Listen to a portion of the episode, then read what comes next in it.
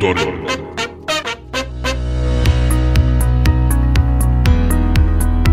Dobro večer svima, dobrodošli u još jedno izdanje emisije Monitoring na podcast kanalu portala istyler.net, petak je 19 časova, vreme kao što ste i navikli rezervisano za druženje sa najbitnijim, najvažnijim i najinteresantnijim vestima iz Apple zajednice. Moje ime je Marko i večera sam vaš domaćin kao i svakog petka Na samom početku ono što bih e, želeo jeste da svima vama koji nas e, pratite, a kojih je iz nedelju u nedelju sve više, želim da se u ime ekipe koja priprema emisiju Monitoring izvinim jer prošlog petka nismo imali emisiju, pa svi koji ste je čekali niste uspeli da preslušate najbitnije stvari koje su beležile prethodnu nedelju.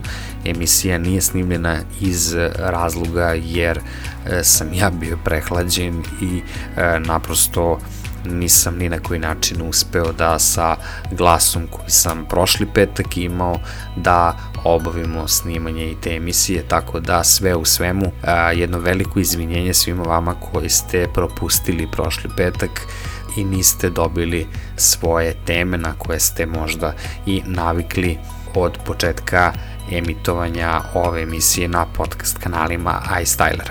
Tako da ove nedelje pokušat ćemo da se iskupimo, bavit ćemo se ovog petka sa e, jednom e, vrlo interesantnom temom, a to je Google servis Google Photos, koji od 1. juna doživljava određene promene, koje su pak najavljene još prošle godine, ali mislim da i ove godine i nakon toga što je bilo više nego dovoljno vremena da se svi mi koji koristimo ovaj servis pripremimo to, mnogi su ostali poprilično iznenađeni i u čudu, tako da osim što govorimo o tim promenama, daćemo i uh, jedan savet uh, šta da uradite sa vašim fotografijama ukoliko se odlučite da u nastavku ne koristite ovaj servis.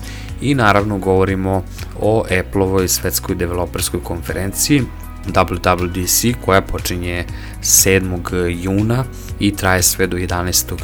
juna i na kojoj se očekuje mnoštvo dobrih događaja o kojima ćemo pogotovo govoriti za 7 dana.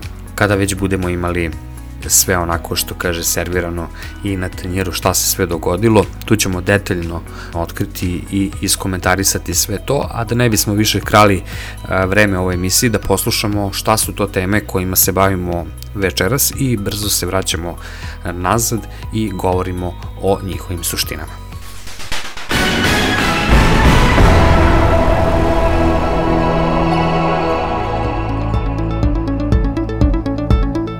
Od 1. juna Google Photo servis više nije besplatan. Barem ne za one korisnike kojima je neophodno više od osnovnih 15 GB prostora, čak i za fotografije sa smanjenim kvalitetom. Bavimo se i sa temom kako izvesti vaše Google fotografije u iCloud Photos. Šta realno možemo da očekujemo od novog iOS 15 operativnog sistema? Iako je prošle godine zabeležen niz curenja informacija o tome šta očekivati od iOS 14, Apple je ove godine informacije o nasledniku iOS 14 bolje držao pod kontrolom. WWDC 2021, Apple-ova svetska developerska konferencija, počinje u ponedeljak 7. juna 2021. i traje do 11. juna Ovo je veoma važan događaj za programere, ali i za vlasnike Apple uređaja, jer će prezentaciju gledati sa velikim interesovanjem kao i očekivanjima, jer će nove funkcije biti dostupne za postojeće uređaje kao i nove, koje će biti predstavljeni tokom godine.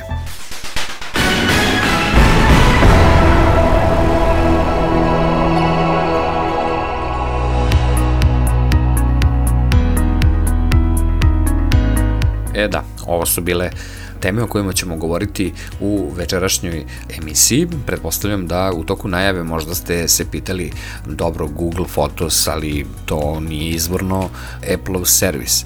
Ali jeste jedan od najpopularnijih servisa koji i tekako koriste i Apple korisnici, pogotovo što u današnje vreme i u doba mobilnih telefona koji danas izgledaju ovako kako izgledaju, fotografije su jedan od nezaobilaznih produkat tih telefona, njihovo skladištenje i njihovo čuvanje su zaista e, jedno vrlo ozbiljno pitanje i smatramo da je ova tema više nego dobar kandidat za diskusiju u ovoj emisiji, tako da ćemo se svakako baviti sa ovom temom kao što je kompanija Google navela u novembru 2020. godine, a o tome obavestila sve svoje korisnike, od 1. juna 2021. godine popularni servis za cloud skladištenje fotografija Google Photos više nije besplatan, barem ne za one korisnike kojima je neophodno više od osnovnih i besplatnih 15 GB prostora, čak i za fotografije sa smanjenim kvalitetom. Zbog e, ovoga će profesionalni fotografi i zaljubljenici u fotografiju već sutra morati da pronađu pravu alternativu ovome ili da pak sebi priušte neki od plaćenih planova Google One servisa Fotografije koje su već otpremljene u Google fotografije neće se računati u ograničenja skladišnog prostora, ali se takođe neće zadržati ni u visokoj rezoluciji. Samo slike otpremljene nakon 1. juna 2021. godine računaće se u ograničenja od ukupno 15 GB e, memorije koja dolazi sa svakim Google nalogom ili u dodatni prostor za skladištenje kupljen preko Google One. Kompanija ističe da se skladišni prostor na Google nalogu deli, odnosno da je deljen, i koriste ga Google Disk, Gmail i Google Slike. Praktično to znači da će se fotografije otpremljene nakon 1. juna boriti za prostor sa prilazima e-pošte ili bilo kojim drugim dokumentima i materijalom koji je uskladišten na Google disku. Međutim, kao i uvek, naravno da postoji izuzetak od ovih pravila, Korisnici Google Pixela jedini neće morati da brinu zbog ove promene, jer svi visoko kvalitetni videozapisi i fotografije otpremljeni sa Google Pixelom pametnog telefona i dalje će biti izuzeti. Google predlaže da korisnici kojima treba više prostora mogu razmisliti o kupovini dodatnog prostora za skladištenje putem Google One servisa, gde planovi počinju već od 1,99 dolara mesečno za 100 GB prostora za skladištenje, a oni koji imaju Apple ID mogu razmotriti i mogućnosti izrade rezervnih kopija e, svojih slika putem iClouda, jer recimo za 0,99 dolara mesečno mogu dobiti 50 GB prostora za skladištenje koje se sinhronizuje na svim Apple uređima, a za 2,99 dolara mesečno korisnici mogu dobiti 200 GB prostora za skladištenje, a opet oni koji imaju zaista veliku količinu rezervnih kopija, nivo od 9,99 dolara mesečno nudi 2 terabajta prostora za skladištenje, što je svakako više nego dovoljno, tako da svakako razmislite Pretplatnici Apple One-a mogu dodatno proširiti svoj limit kupovinom Apple One Premier plana i dodatnih 2 terabajta prostora za skladištenje koji košta 34,94 dolara mesečno, uključuje čak 4 terabajta prostora za skladištenje i isporučuje se sa e, servisima Apple Music Family, Apple TV+, Apple Arcade, Apple News i Apple Fitness Plus. Šta nam se ovde generalno menja? Pa do sada smo imali situaciju da svi mi koji imamo, gotovo zaista da ne znam čoveka koji nema Gmail adresu, svaki Google nalog otvara se tako što se kreira email adresa i sa njom dobijete 15 GB prostora koji je generalno deljeni memorijski prostor više Google servisa, kao što smo rekli, to su i Google disk, to su Google slike, ta memorija je deljena i generalno svako zauzeće e, memorije u bilo kom od tih e, servisa troši e, de facto tih 15 GB. Do sada smo u Google slikama prilikom sinhronizacije mogli da se opredelimo da li ćemo da uskladištavamo fotografije visoke rezolucije i njihovim otpremanjem. Njihova težina je svakako uticala na zauzeće tog memorijskog prostora, ali smo kao alternativu tome imali da fotografije otpremamo u visokom kvalitetu, znači ne originalne, nego za nijansu smanjen kvalitet, ali pre svega kvalitet koji je zaista održan, znači nije tu došlo do mnogo velikog narušavanja kvaliteta fotografije. E, takve fotografije kada smo otpremali u Google slike, one nisu zauzimale prostor, odnosno, odnosno nisu se računale u ukupno zauzeće. To se sada menja, znači e, generalno da li otpremate fotografije originalnog kvaliteta ili fotografije visokog kvaliteta, sva njihova ukupna težina uticaće na zauzeće memorije od tih 15 GB, odnosno od memorije koja e, je dokupljena sa nekim od Google One planova. Da ne bude nikakve zabune u vezi ovoga i da ne bude nekog pogrešnog e, tumačenja, svi koji imaju bilo koje fotografije ili video snimke backupovane u Google fotografijama iste nakon 1. juna neće izgubiti. Radi se naprosto o tome da besplatan Google prostor, odnosno besplatna Google memorija koja se dodeljuje svakom korisniku kada otvori besplatan Google nalog, to je onih 15 GB koje imate na raspolaganju deljene memorije između Google fotografija, Google diska i Gmaila. Te fotografije i video snimci koji su otpremljeni do 1. juna neće uticati na zauzeće tog memorijskog prostora od 15 GB. Konkretno, ukoliko nemate mailova, nemate nikakvih dokumenta, nikakvog sadržaja koji su pohranjeni u uh, Google Disk, a imate recimo 10.000 fotografija visokog kvaliteta, ukupna memorija koja je zauzeta u okviru vašeg, vaše besplatne memorije u okviru vašeg osnovnog Google plana je 0 GB.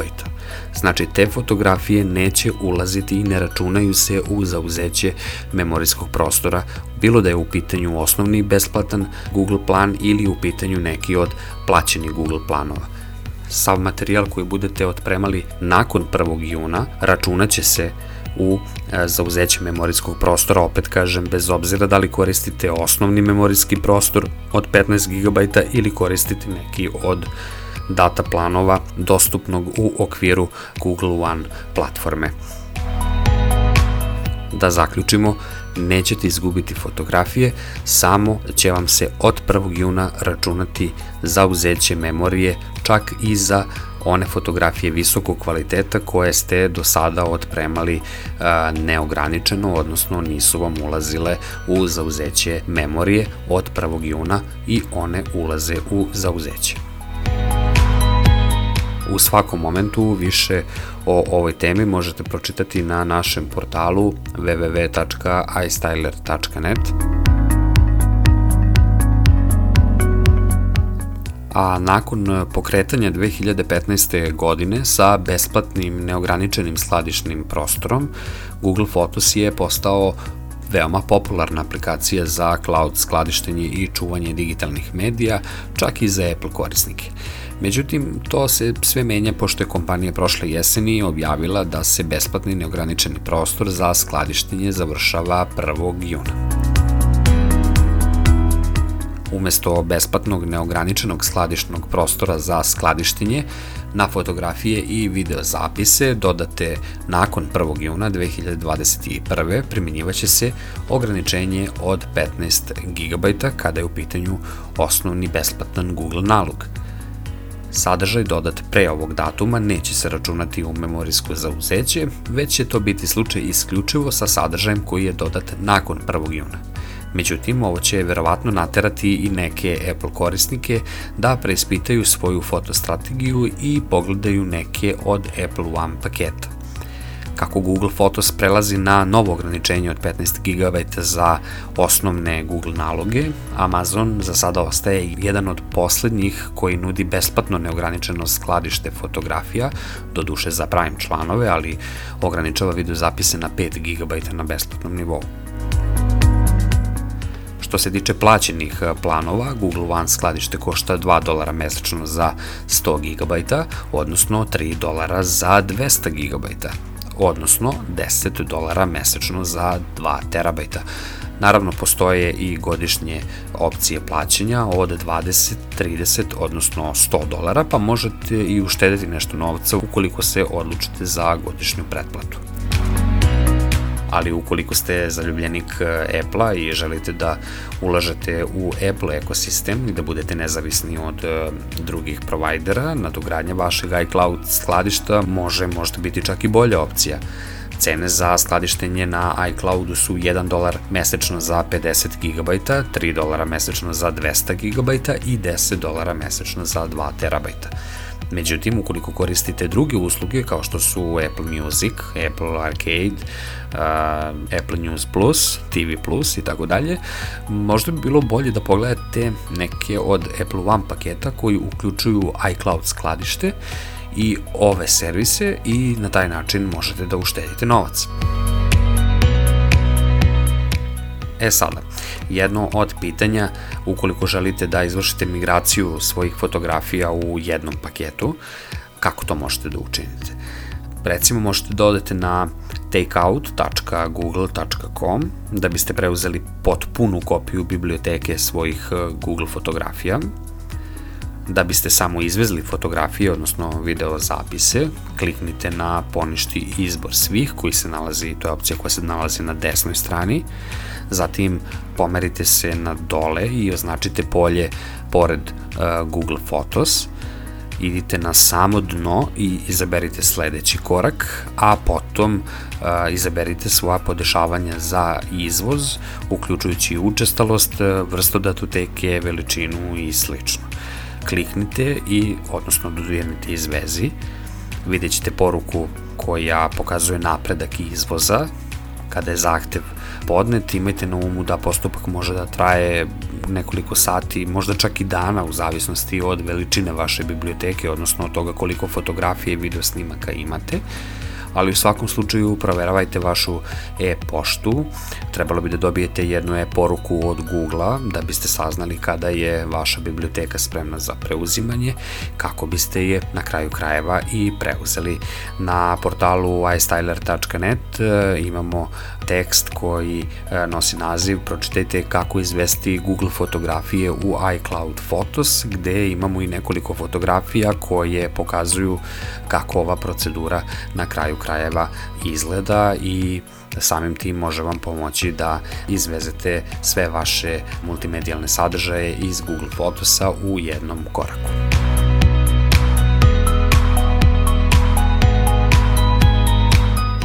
sve vaše fotografije na kraju krajeva možete automatski da uvezete u iCloud i na taj način da završite sa kompletnom migracijom vaših fotografija i video snimaka. A u narednoj temi govorimo o tome šta možemo da očekujemo od novog iOS-a 15 kao i obično od WWDC-a kao jednog od najvećih godišnjih događaja kompanije Apple očekujemo mnogo, a ove godine pored e, najvećih fokusa kao što je fokus na novom iPhoneu, očekuje se i uvođenje iOS 15, iako je prošle godine zabeležen niz curenja informacija o tome šta očekivati od iOS 14, Apple je ove godine informacije o nasledniku iOS 14 držao malo bolje pod kontrolom ipak e, još uvek postoje neke glasine o tome šta bi generalno Apple mogao da spremi za iOS 15 kao i za iPad OS 15 i većina trenutnih, e, trenutno poznatih e, detalja o iOS 15 dolaze zahvaljujući Bloombergovom izveštaju iz aprila ove godine. U izveštaju je Mark Gurman izložio pregršt funkcija koje bi mogli doći sa ovogodišnjim ažuriranjem a jedan od e, posebnih Apple-ovih fokusa naravno bit će i novi način upravljanja obaveštenjima Izveštaj navodi da će korisnici moći da postave različite postavke obaveštenja u zavisnosti od svog trenutnog statusa, kao što su um, radne spavajuće ili neke prilagođene kategorije. Meni za pristup ovim kontrolama će se navodno nalaziti u kontrolnom centru i na zaključenom ekranu, za koji se navodi da će ove godine biti redizajniran.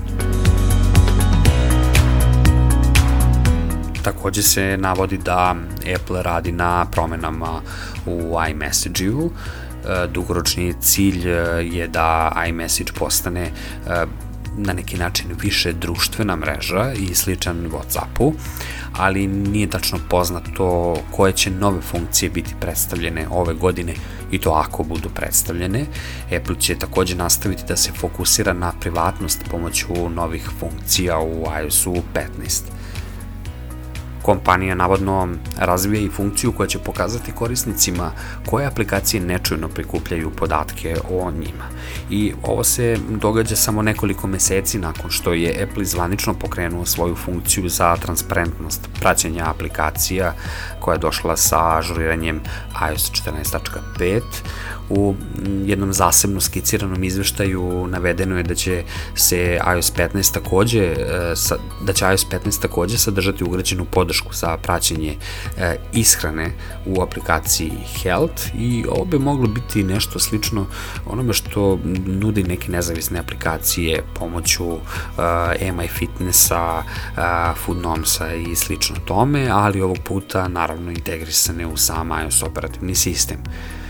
Druge glasine sugerišu da bi redizajnirani kontrolni centar i podrška za dvostruku biometrijsku autentifikaciju mogli da stignu ove godine. Zanimljivo je da Apple već e, je najavio mnoštvo novih funkcija za pristupačnost e, za koje kaže da dolaze na iPhone kasnije tokom ove godine, vidjet ćemo, i verovatno je da će se ove funkcije poput e, redukcije pozadinske buke, koja se opet na neki način uh, izdvaja po nečemu specifičnom, vidjet ćemo tačno čemu se radi, i ona će se pojaviti kao deo uh, operativnog sistema iOS 15.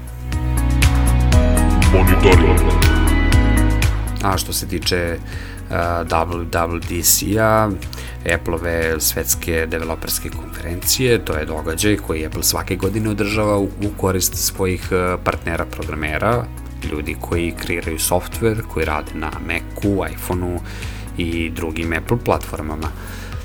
WWDC traje nedelju dana, od prvog jutra ili večeri u Evropi, Tim Cook i ostalo osoblje kompanije Apple pojavljuju se u glavnoj prezentaciji koja najavljuje glavna ažuriranje softvera za aktuelnu godinu, nove funkcije i mnoštvo drugih promena koje slede u sledećim verzijama iOS-a, iPadOS-a, macOS-a, WatchOS-a i tvOS-a za iPhone, iPad, Mac, Apple Watch i Apple TV.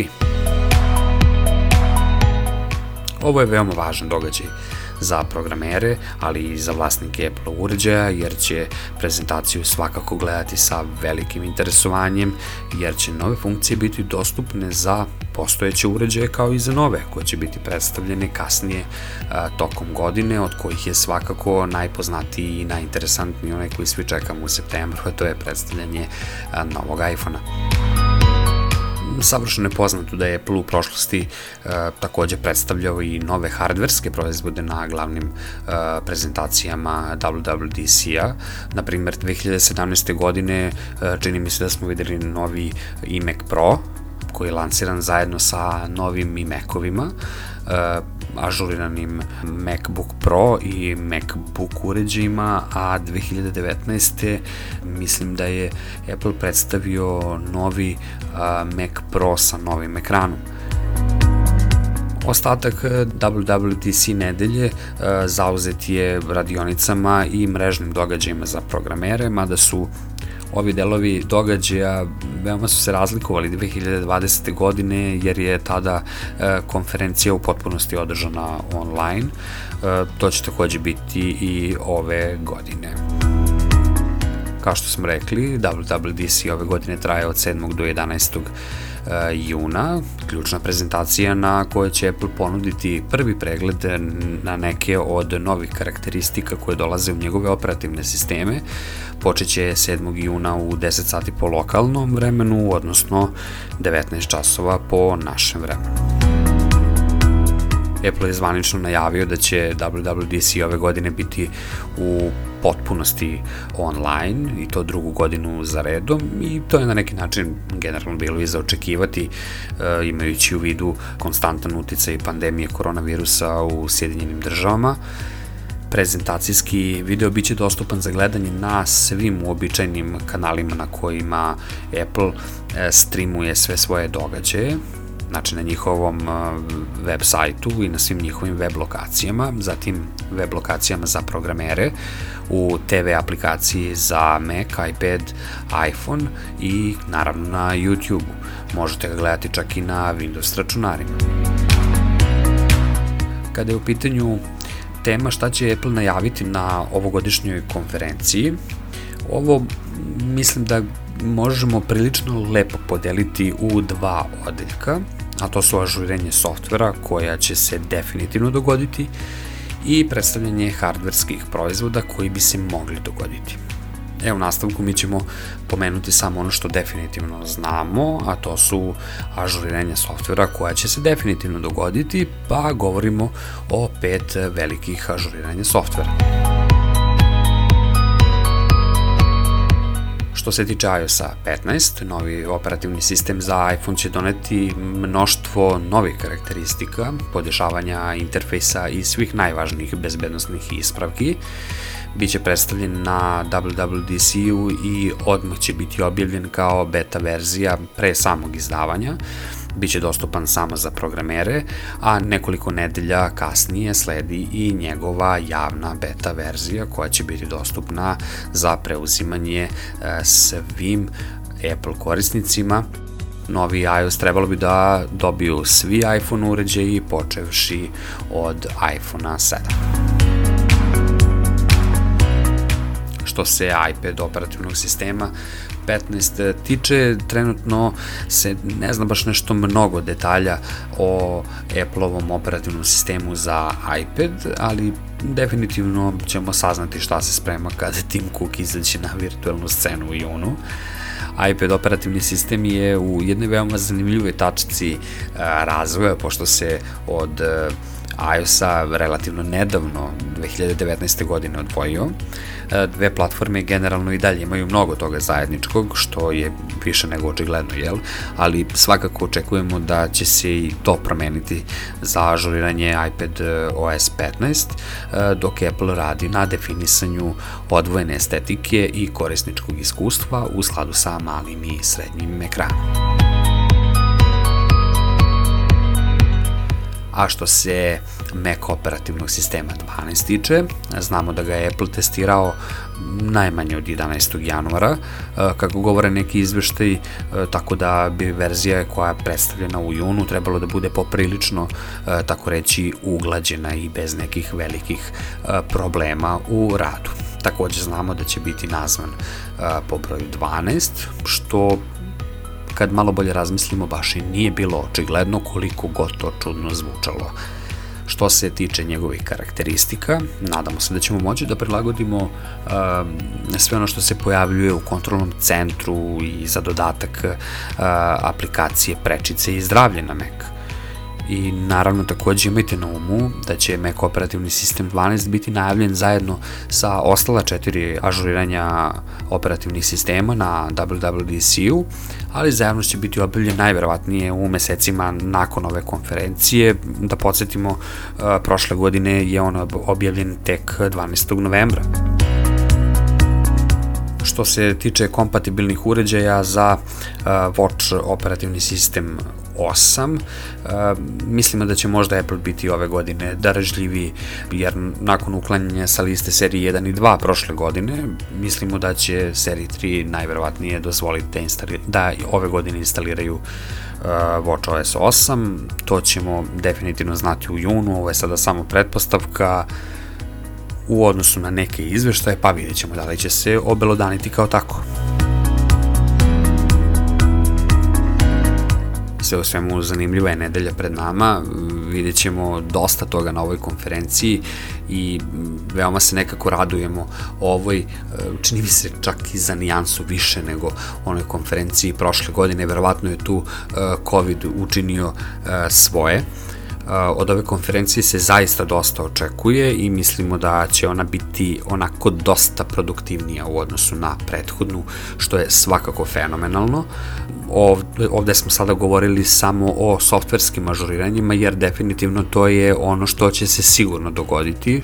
Sledećeg petka govorimo mnogo opširnije o svemu što se desilo na ovoj konferenciji, zato budite sa nama i sledećeg petka u standardnom terminu od 19 časova, bavimo se WWDC-om, o svemu što nam je on done ove godine, o svemu što nam je predstavio da ćemo dobiti ove godine, šta možemo da očekujemo od uređaja, koje su njihove karakteristike, šta je novo, šta staro prestaje da bude staro, šta novo počinje da bude novo, zato ostanite uz iStyler, moje ime je Marko, pratite nas na našim društvenim kanalima Facebook, Twitter i Instagram. Pretplatite se na naš YouTube kanal i svakako na uh, iStyler newsletter Apple News. Ostanite uz iStyler. Vidimo se za 7 dana.